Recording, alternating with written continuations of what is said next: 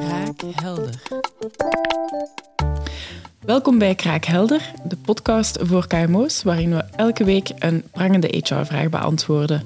Deze week zit Jamie van den Berg bij mij, Senior HR Consultant bij Liantis. Hallo Jamie. Hallo, hey. Dank je voor het komen. Yes. Wij waarderen dat. Ehm, we gaan het vandaag hebben over onboarding, maar ik wou misschien eerst eens vragen, HR consultant of senior HR consultant, wat doe je precies? Goh, uh, goeie vraag om mee te beginnen. Um, ik ben zelf uh, verantwoordelijk voor een kleiner team binnen Liantis, waar dat wij eigenlijk focussen op uh, de talenten.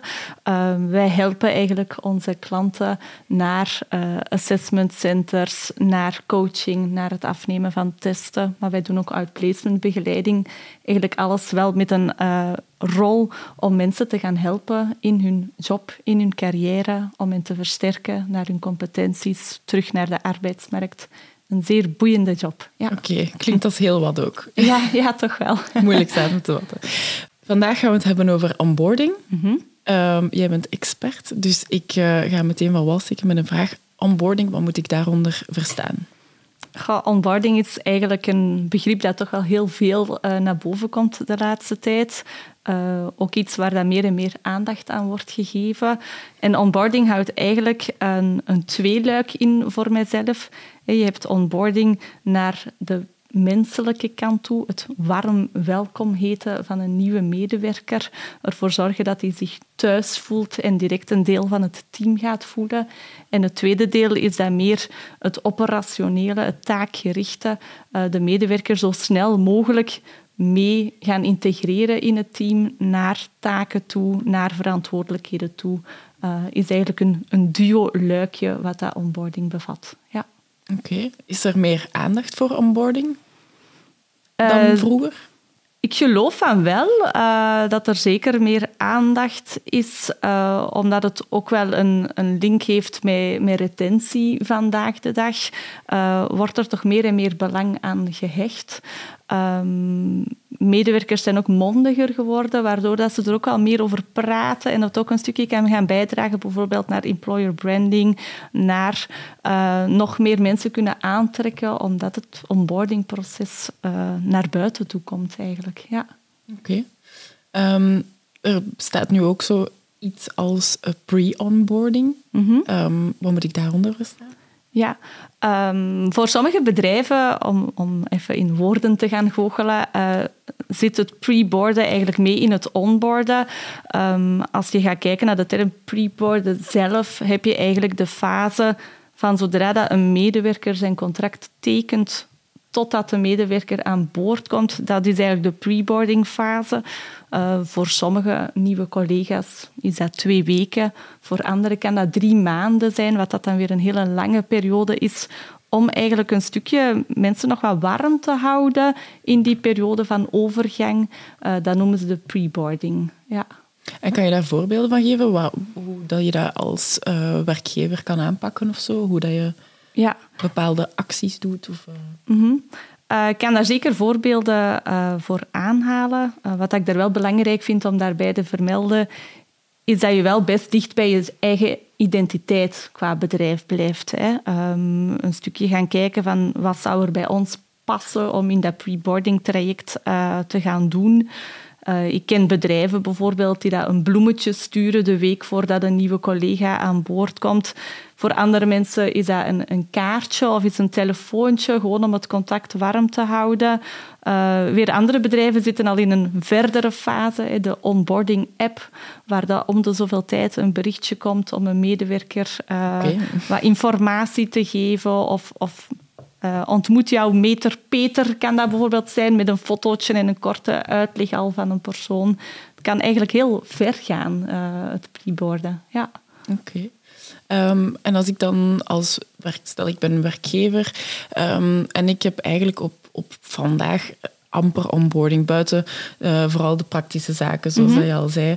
Uh, weet ik veel, veiligheidsprotocol of hoe ja. dat de taken of zo moeten gebeuren. Hoe begin ik dan aan een, aan een aan een volledig onboarding traject dat goed in elkaar zit? Ja.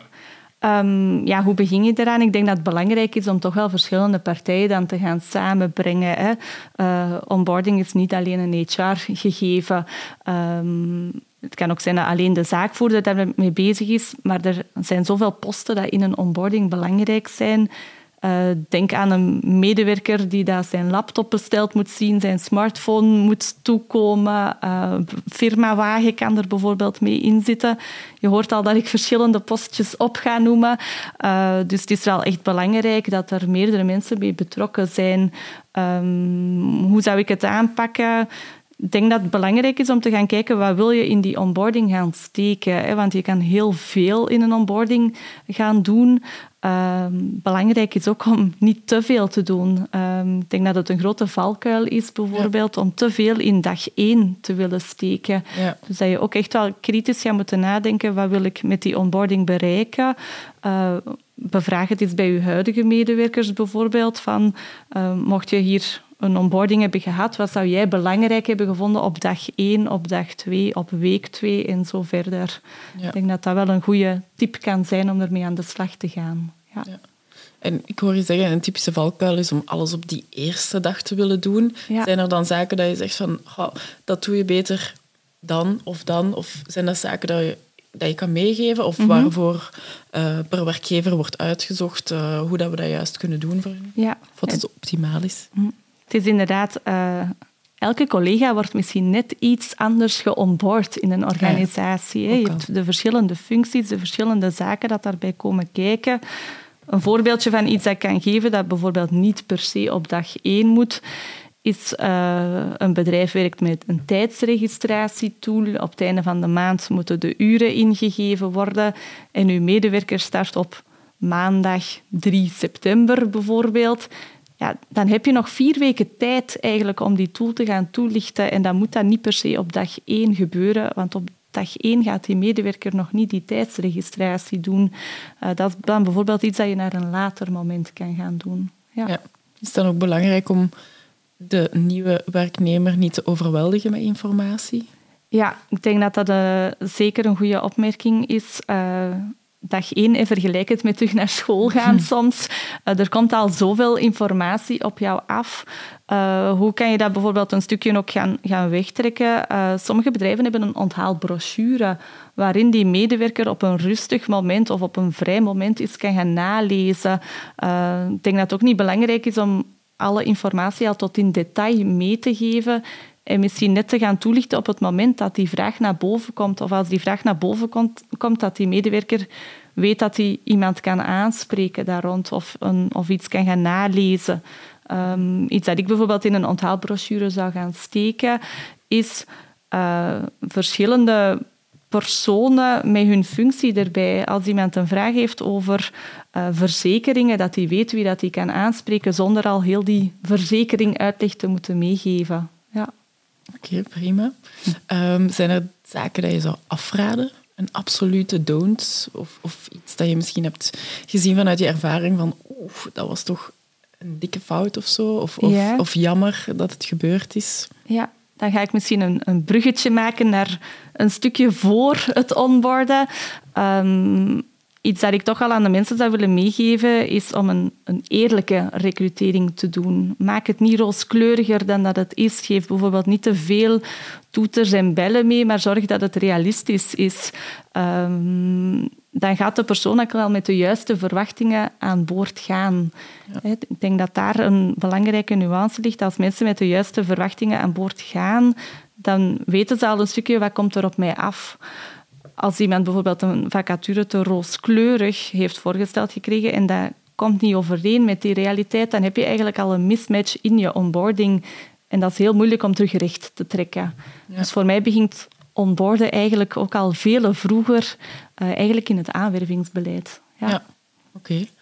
Okay. Um, we hadden het daar straks eventjes over, maar ik vroeg me af, kunnen we onboarding ook zien als een, een, een basis onboarding, van dit doen we voor al onze eender welke mhm. werknemer, op eender welk niveau. Dit, dit regelen we altijd. En ga je dan kijken, uh, functiespecifiek, um, van oké, die heeft dit functieprofiel, daar regelen we dit nog extra voor, mhm. en zo en zo. Ja, dat kan zeker uh, gebeuren. Um, ik merk op de markt ook vandaag dat er best wel wat, wat, bedrijven zijn. Er zijn dus best wel wat bedrijven op de markt die daar een, um, hun nieuwe medewerkers op dezelfde dag laten starten. Een bewuste ah, keuze eigenlijk. Uh, ik zie daar twee voordelen van in.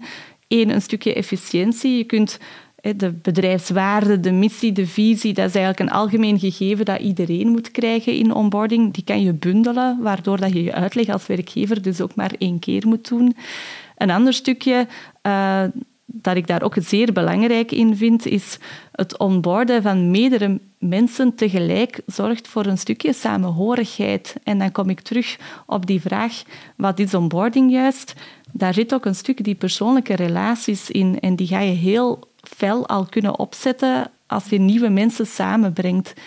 Van waar kom jij eh, of hoe, ben jij hier gekomen? Daar begint zo al een kleine connectie te ontstaan, omdat je hetzelfde vaarwater gaat uh, doorgaan. Ja. Oké, ja. Jamie, bedankt om hier te zijn vandaag en onze prangende HR-vraag rond onboarding te beantwoorden. Dank je wel, vond het super fijn. Ah, Oké, ik ook. leuk. Heb je genoten van deze podcast? Kijk dan zeker, of luister dan zeker, naar de volgende. Um, daar gaan we het opnieuw hebben over prangende HR-vragen. Heb jij zelf zo'n vraag? Uh, aarzel dan niet om jouw vraag in te sturen uh, via liantis.be slash kraakhelder of stuur een DM via onze Instagram kraakhelder.podcast. Tot de volgende keer.